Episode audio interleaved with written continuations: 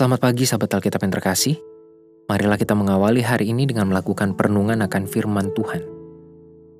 Bacaan Alkitab kita pada hari ini berasal dari kitab Yeskiel pasalnya yang ke-39, ayatnya yang ke-21 sampai ayatnya yang ke-24. Aku akan membuat kuasa kemuliaanku berlaku atas bangsa-bangsa, dan mereka semua melihat hukuman yang akan kujatuhkan, dan melihat tanganku yang akan memukul mereka. Dan kamu Israel akan mengetahui bahwa akulah Tuhan Allah mereka, mulai hari itu dan seterusnya. Dan bangsa-bangsa akan mengetahui bahwa karena kesalahannya kaum Israel harus pergi ke dalam pembuangan. Dan sebab mereka berubah setia terhadap aku, aku menyembunyikan wajahku terhadap mereka. Dan aku menyerahkan mereka ke dalam tangan lawan-lawannya, dan mereka semuanya mati rebah oleh pedang. Selaras dengan kenajisan dan durhaka mereka, kuperlakukan mereka, dan kusembunyikan wajahku terhadap mereka. Kehadiran pengalaman hidup yang tidak menyenangkan memang dapat memberikan perdebatan yang unik. Ada sebagian orang yang meyakini bahwa pergumulan yang dialami oleh seorang merupakan hasil dari kesalahan atau keberdosaannya kepada Tuhan. Namun ada orang yang meyakini bahwa kemunculan pengalaman pahit tidak ada hubungannya dengan baik buruknya sebuah perilaku.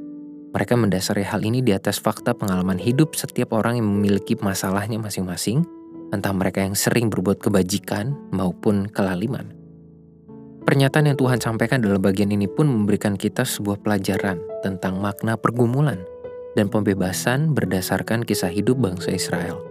Pada ayat 21 tergambarkan bahwa pengalaman pahit dirasakan oleh bangsa Israel adalah hasil dari keberdosaannya kepada Tuhan – namun pada ayat-ayat selanjutnya kita justru melihat bahwa pengalaman pahit tersebut tidak berhenti sebagai aksi retribusi dari Tuhan, melainkan sebagai sebuah proses pendidikan yang Tuhan hadirkan sebagai pemberdayaan bagi mereka sendiri. Artinya, Tuhan tidak membiarkan umat menghidupi pengalaman yang hampa atau bahkan membawa mereka kepada kesia-siaan. Tuhan selalu berkarya untuk membawa umat mengalami perkembangan sekalipun itu harus terjadi dalam sebuah pengalaman konsekuensi yang disebabkan oleh perilaku mereka sendiri.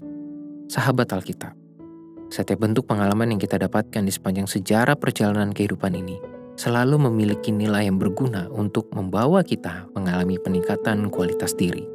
Secara khusus, pada saat kita hidup bersama Tuhan, Ia akan terus memberikan bimbingan dan didikan bagi kita dalam menjalani pengalaman penuh suka maupun pengalaman dalam luka. Itulah sebabnya, entah pengalaman sukacita maupun pengalaman penuh luka, idealnya perlu kita jalani sebagai momen untuk bertumbuh di dalam Tuhan. Marilah kita berdoa. Tuhan kami berterima kasih atas setiap karya yang Tuhan hadirkan bagi kami.